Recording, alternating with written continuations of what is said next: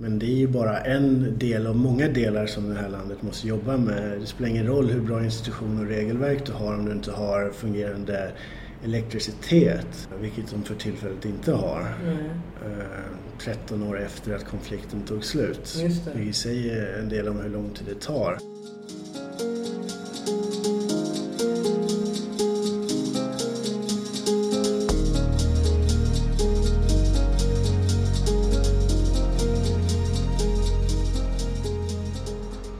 Hej och välkomna till Utrikeshandelspodden, en samtalspodd från Kommerskollegium, Sveriges myndighet för utrikeshandel, EUs inre marknad och handelspolitik. Jag heter Alexandra Hernadi och är kommunikationsstrateg här på Kommerskollegium. I den här poddserien vrider vi och vänder på de frågor vi arbetar med tillsammans med olika medarbetare här på kollegiet. Vi pratar om vad vi gör, hur vi gör det och ganska mycket om varför i relation till omvärlden, digitaliseringen, globalisering och allt annat som händer just nu. Idag spelar vi in ett speciellt avsnitt av Utrikeshandelspodden. Vi befinner oss inte längre på Drottninggatan utan vi har tagit oss ända till Monrovia i Liberia. Och här sitter jag med två av mina kollegor. Det är Mattias Karlsson Järnbäcker som är här på plats för kollegiets räkning och så Marcus Hansen Fure. Välkomna till Utrikeshandelspodden.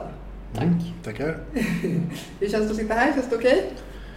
Absolut. Ja, vi sitter hemma hos Marcus och i bakgrunden så kan man höra visst vågskvalp. Det finns väldigt höga vågor här längs eh, kusten. Eh, jag tänkte att vi skulle börja lite med att prata om varför ni är här. Kollegiet har ju varit på plats sedan 2013 här i Liberia. Marcus, vad är egentligen kollegiets uppdrag i Monrovia? Mm. Eh, så kollegiets uppdrag är att bygga kapacitet och ge tekniskt stöd i eh, Liberias WTO-anslutning. Mm, du menar Världshandelsorganisationen? Exakt. Uh Och det här stödet består av två olika faser. En fas är redan avklarad då. Och i den första fasen så stöttade vi Liberia med att bli medlem i WTO genom kapacitetsuppbyggnad, tekniskt stöd och rådgivning. Och eh, för att bli medlem så måste man då som land ge detaljerad information om alla sina lagar och regler som berörs av WTOs regelverk. Mm. Eh, besvara medlemsländernas frågor på denna informationen och göra en detaljerad tidsplan på hur man avser att harmonisera sina lagar och regler med WTOs. Hela den processen. Så det är det vi eh, stöttar dem med. Då, då. Ehm, ett land måste också förhandla fram marknadstillträde vad det gäller tjänster som exempelvis telekomtjänster och banktjänster. Mm. Eh, och också förhandla fram marknadstillträde vad det gäller eh, varor. Då, då binder man sina importtullar på en viss nivå. Mm. Det är, och nivån är olika för alla, alla varor. Då. Mm. Så det är också det vi stöttar mm. med. Då. Och i den andra fasen, den fasen vi är i nu då, så um, stöttar vi Liberia i själva implementeringen av, den här, av sina WTO-åtaganden och den här detaljerade planen då de har lagt fram. Mm. Och hjälper dem att bygga upp kunskap och en organisatorisk struktur mm. som kan hantera det här. Mm. Och det är ett ganska mycket större projekt än den första fasen, inbillar jag mig?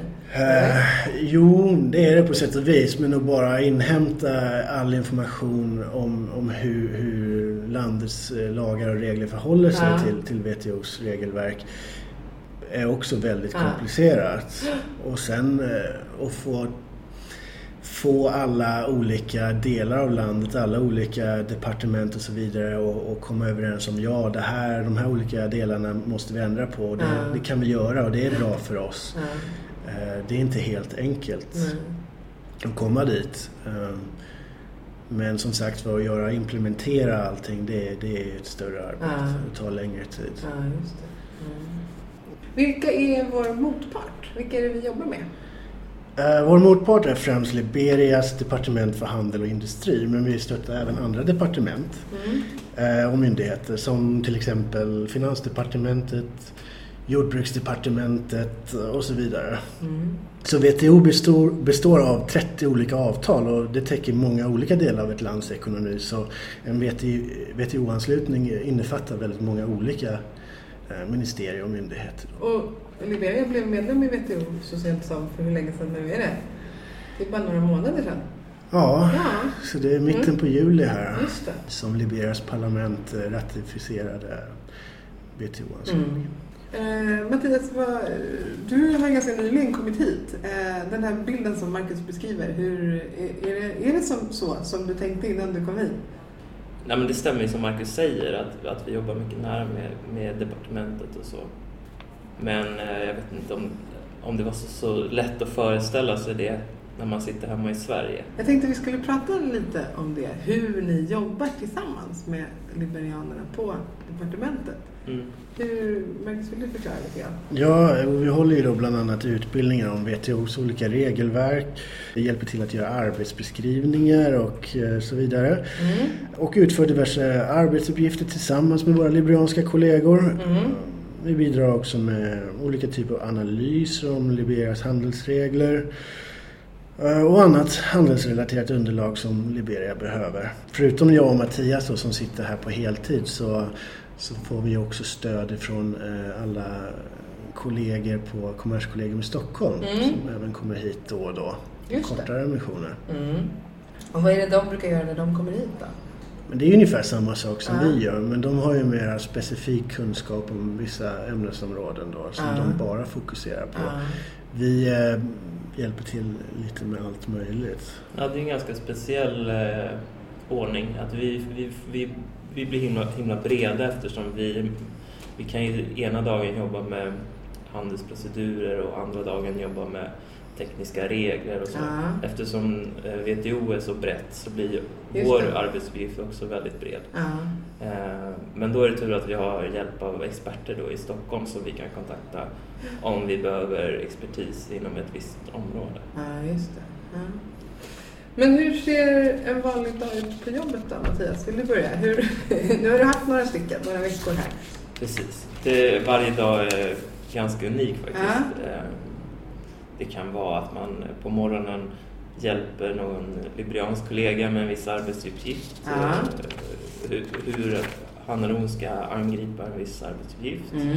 Det kan vara att man förbereder en utbildning som man ska hålla eh, senare i veckan eller att man faktiskt håller en utbildning. Mm. Och så. Eh, det kan också vara att man sitter själv och eh, skriver ett dokument eller något arbetsbeskrivning eller något i den stilen. Mm. Eh, så det är lite av varje. Men, Och hur ser det ut där ni sitter? Ni sitter mitt i smeten på handelsministeriet, eller? eh, ja, Ja. precis, Ja. I, den eh, byggnaden. Ja. På andra våningen. Det är lite mer spartanskt än i, i Sverige. Men, och det kan vara ganska högljutt och så. Men, men det är en arbetsmiljö man får vänja sig vid helt enkelt. Är det många saker som är annorlunda vad det gäller just hur man jobbar? Jag tänker på så här möteskulturer och hur man fattar beslut och så. Är det mycket som, som är annorlunda än vad man är van vid hemifrån? Ofta så bestäms det att det ska vara möte fem minuter innan mötet ska börja till exempel. Eller om man har planerat ett möte så är det of- Ofta ställs de in eller Mm. flyttas och någonting mer akut dyker upp som folk eh, måste delta på och så Mm. vidare. Så det, det är ganska svårt med planering och så vidare och få Mm. struktur i arbetet. Som man utsätts för lite prov på, tänker jag.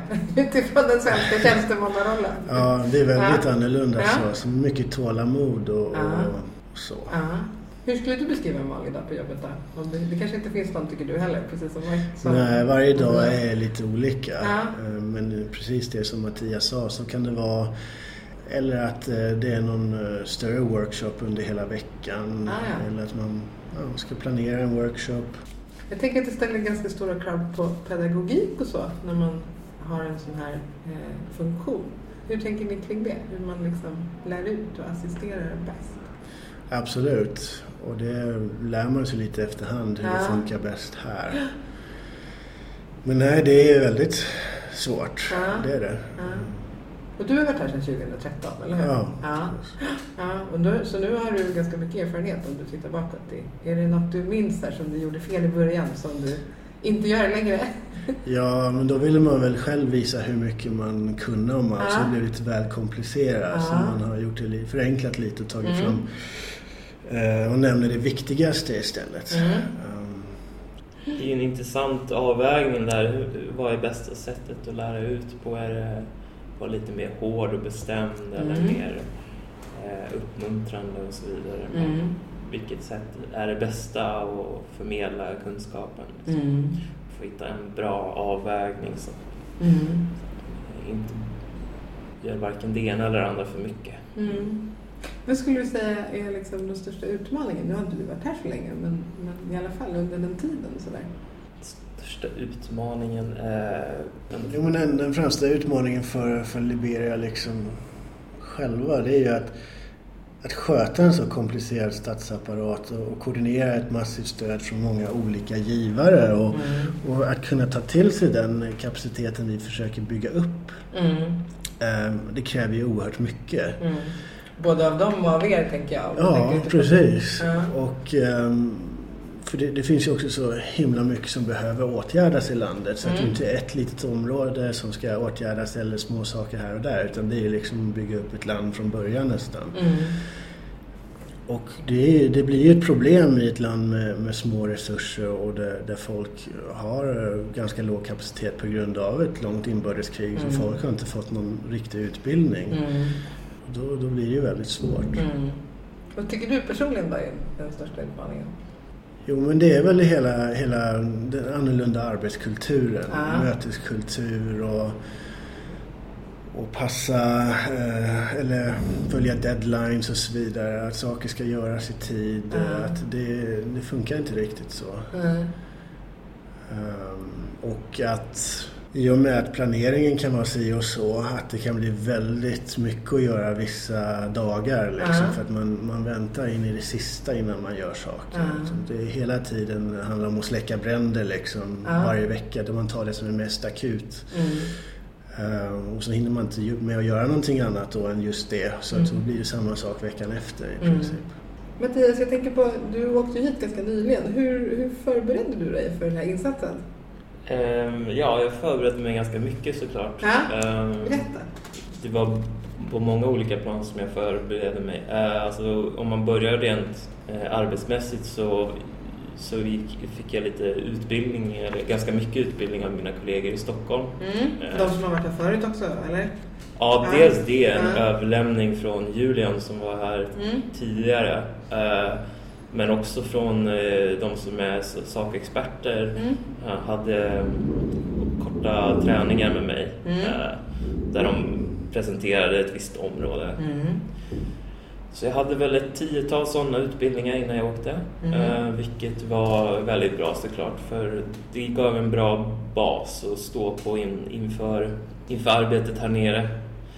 Eh, så det gav väl liksom grunden och sen utöver det så var det ju, är det ju mycket medicinskt och så att tänka på så jag blev ju vaccinerad eh, ganska många gånger. Jag kommer inte ihåg exakt allt Ja. men eh, gula febern måste man bland annat vaccineras mot Ja, för, för att få komma in här. ja. Så det tog ju ett litet tag och så gick, genomgick en läkarundersökning också. Fick du några förberedelser som handlade om lite så här hur man arbetar i den här typen av miljö och så? Ja, absolut. Det fick jag ju igenom att prata främst med Julian och även Marcus. Vi, vi skypade ju Mm. ett antal gånger innan, Mm. innan eh, jag åkte ner. Mm. Eh, Men det är lite svårt att, det är svårt att förbereda sig för det faktiskt. Ja. Det är så, så annorlunda jämfört Ja. med Sverige. Men Vad är det som är mest annorlunda då? Om du bortser från jobbet, att bara vara i det här landet. Vad är liksom... Är det värmen? Den slogs jag av så fort jag gick av planet till exempel. ja, klimatet är ju annorlunda. Eh, Mm. Det är definitivt annorlunda. Och sen eh, så är det ju, alltså, man kan inte riktigt gå och man måste tänka på lite vad man gör under vi- vissa delar av dagen. Så ute på, man kan inte gå runt på nätterna hur som helst utan då måste man åka, åka taxi. Då. Mm. Eh, Så det, livet blir kanske lite mer inrutat än det var i Sverige för du kan inte gå runt hur som helst under vilka tider på dygn som helst. Eh, Men det är samtidigt något man, jag känner i alla fall, eh, något jag vill jobba med och försöka ha ett så vanligt liv som möjligt här nere. Mm. Det känns alltid lite irriterande att åka korta taxiresor på några kvarter mitt i natten bara för att och så betala pengar för det. Men eh, samtidigt så måste man göra det för det går, Mm. du kan inte gå runt hur som helst på natten. Mm. Mm. Eh, ja, det, det är lite mer inrutat livet här. Du, Mm. du har en chaufför som eh, kör, kör dig till jobbet varje morgon och hem. Mm. Det låter som att det är mindre frihet. Ja, lite Ja. mindre frihet. Så det är, det är både positivt och, Ja. och negativt. Jag tänkte lite att vi skulle prata om vad som händer när man åker härifrån, eh, Marcus. När du åker hem härifrån, vad, vad hoppas du liksom att din insats, eller kollegiets insats, har bidragit till? Tänker du någonting på sånt när du är här? Jo, absolut. Det måste man göra för att hålla, Ja. hålla motivationen uppe. Att Ja. man, känner, man måste känna att man bidrar med något. Ja. Men på grund av den utdragna konflikten i Liberia så är ju många regelverk och institutioner väldigt eftersatta eller helt avsaknade. Mm. Så att Liberia nu blivit medlem i WTO så innebär det ju att de är bundna till WTOs breda regelverk och det åtagande de gjort gällande marknadstillträde. Så WTO-anslutningen är, känns därför som en bra början vad det gäller till, att få till stånd ökad eh, transparens, ökad förutsägbarhet och bättre och starkare regelverk vad det gäller företagande och handel i Liberia. Mm. Och förhoppningsvis då så leder detta till ökade investeringar, jobbskapande och ekonomisk tillväxt. Eh, samt säkrare och billigare och bättre varor eh, och tjänster för det liberianska folket. Mm. Ehm, och en ekonomi som är mer diversifierad och, och mindre förlitar sig mot utvinning av råvaror ger också en stabilare ekonomi som, som är mindre känslig för olika ekonomiska chockar och så vidare. Mm. En mer hållbar utveckling helt enkelt. Ja, precis. Ehm, så det blir um, hela WTO-anslutningen och, och vara bunden till WTOs regelverk. Det blir som ett ramverk som de kan jobba ut efter och försöka förhålla sig till. Och sen så måste de givetvis eh, förbättra sina lagar och regler ytterligare för WTO är bara en, en grund kan man säga. Mm. Sen måste man hela tiden konkurrera med alla andra länders lagstiftning och regelverk och se till så att man Mm. hela tiden eh, ligger eh, i, i fram, front. I fronten. I fronten. Ja. Men är det här liksom ramverket, det är det vi hjälper dem att lägga grunden för kan man säga. ja, precis. Ja.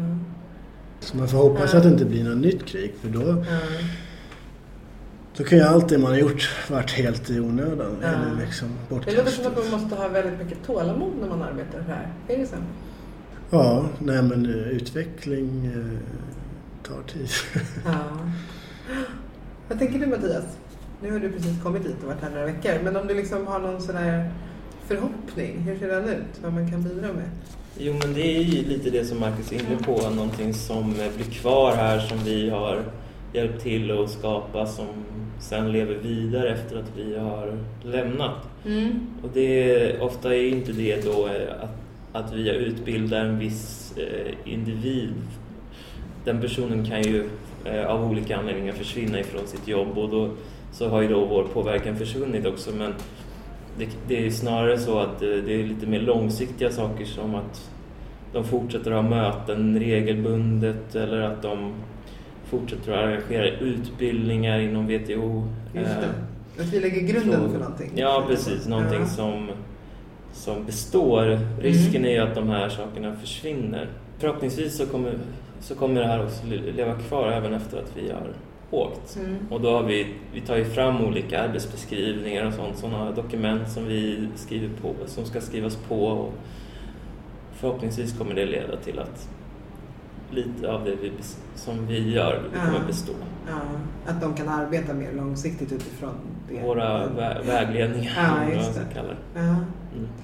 Jag tänkte på, det är ju många som sysslar med utvecklingssamarbeten och bistånd och vi är en aktör av flera utifrån det svenska perspektivet. Varför är just handel viktig ur ett utvecklingsperspektiv tror du Marcus? Ja, ehm, det är ju inte en helt enkel eh, Nej, fråga att det är en svara jättestor på. fråga. Men jag kan göra ett försök. Ja. Ehm, Så handeln bidrar ju till att ett land maximerar antalet och volymen av varor och tjänster som, som landet får tillgång till. Mm. Detta då handeln bland annat möjliggör för ett land att producera och sälja varor och tjänster där det har en så kallad komparativ fördel som man Mm. pratar om. Kan du utveckla det lite grann? Ja, ett land med bra klimat och bördig jord till exempel är Ja. mer eh, lämpat att, till, eh, att producera jordbruksvaror än till exempel att producera de här varorna i Sibirien. Ja, det känns ju som en bra förklaring. Ja. Ja, Mm. något, något åt det hållet. Mm. Ehm, Sen är det positivt, eh, handeln är också positivt för att det, det leder till ökad specialisering. Mm. Eh, så ett land kan, förutom att du har en komparativ fördel, så kan du också specialisera dig och bli bättre och bättre hela tiden på det du gör för att du fokuserar på just det, så det blir mm. mer effektivt. Och sen om du inte bara producerar till ditt eget lands befolkning utan till en, en, en, mycket större krets så kan du få större skala på det du producerar också. Mm. Vilket leder till skalfördel, skalfördelar då. Mm. Um, och sen så om du utsätter dig för konkurrens också från, från företag i andra länder så då tvingar du ju företagen i ditt eget land att faktiskt förbättra sig hela tiden själva. Mm. Um, så, så ja, det är liksom ett steg i ett utvecklingsarbete för att få en nation mer självständig så att säga. Jag vet inte. Eh, men eh, och många varor och tjänster som är viktiga för att ett land ska utvecklas är dessutom i princip omöjliga för ett, ett land som Liberia att själva producera. Mm. Utan då måste man eh, se till att importera de här varorna. Till exempel mediciner, sjukvårdsutrustning, kan vara läromedel, olika typer av utrustning som är nödvändig för att bygga upp infrastrukturen mm. i landet. Uh, och viktiga tjänster som telekomtjänster, transporttjänster, finansiella tjänster där, där landet själva inte har kanske till exempel finansiella medel att investera i det här eller eh, kunskap eh, och så vidare. Mm. Eh, och sen så ett land som, som försöker då att producera det den är bäst på och har en komparativ fördel i att tillverka den kommer ju ändå alltid vara beroende av att ha andra insatsvaror från andra länder i sin egen produktion. För mm. eftersom det nästan alla varor inkluderar en herrans massa olika insatsvara. Då. Ja. Eh, och, och, och, då är ju handeln nödvändig helt mm. enkelt. Eh, jag kan ta något exempel eh, mm. på insatsvaror som kan vara viktigt för minst utvecklade länder. Ehm, att importera så, så kan vi nämna maskinutrustning kopplat till jordbruk ja, eller textiltillverkning. Och ehm, maskinutrustning av tillverkning av andra enklare produkter. Mm. Jag tänker bara, eh, när man jobbar med sådana här frågor så antar jag att det måste kännas som att man vill ha liksom kvitto på att man gör skillnad på något mm. sätt för att liksom ha en långsiktighet. Hur, hur tänker du som har varit där ett tag kring det? Får du det i det dagliga? Hur, liksom, hur känner du att det du gör har betydelse så att säga? Um, men om man har till exempel när vi har jobbat hårt för att Liberia ska bli medlem av WTO ja. och när de blev det, det var ju en fantastisk känsla. Mm. Och eh, Samma sak om man håller i någon utbildning och man ser hur personer höjer sig och får en bättre förståelse och kan göra mycket mer komplicerade arbetsuppgifter själva så, mm. så får man en viss tillfredsställelse. Mm. Hörni, tack så jättemycket för att jag fick sitta här och prata med er. Jag tror nästan vi måste sluta nu. Vi har stängt av luftkonditioneringen för att det inte ska dundra för mycket. Mm. Det dundrar utifrån från vågorna ja, också. Så jag det... tror att vi ska ta en paus. Det låter bra. tack så mycket. Tack själv.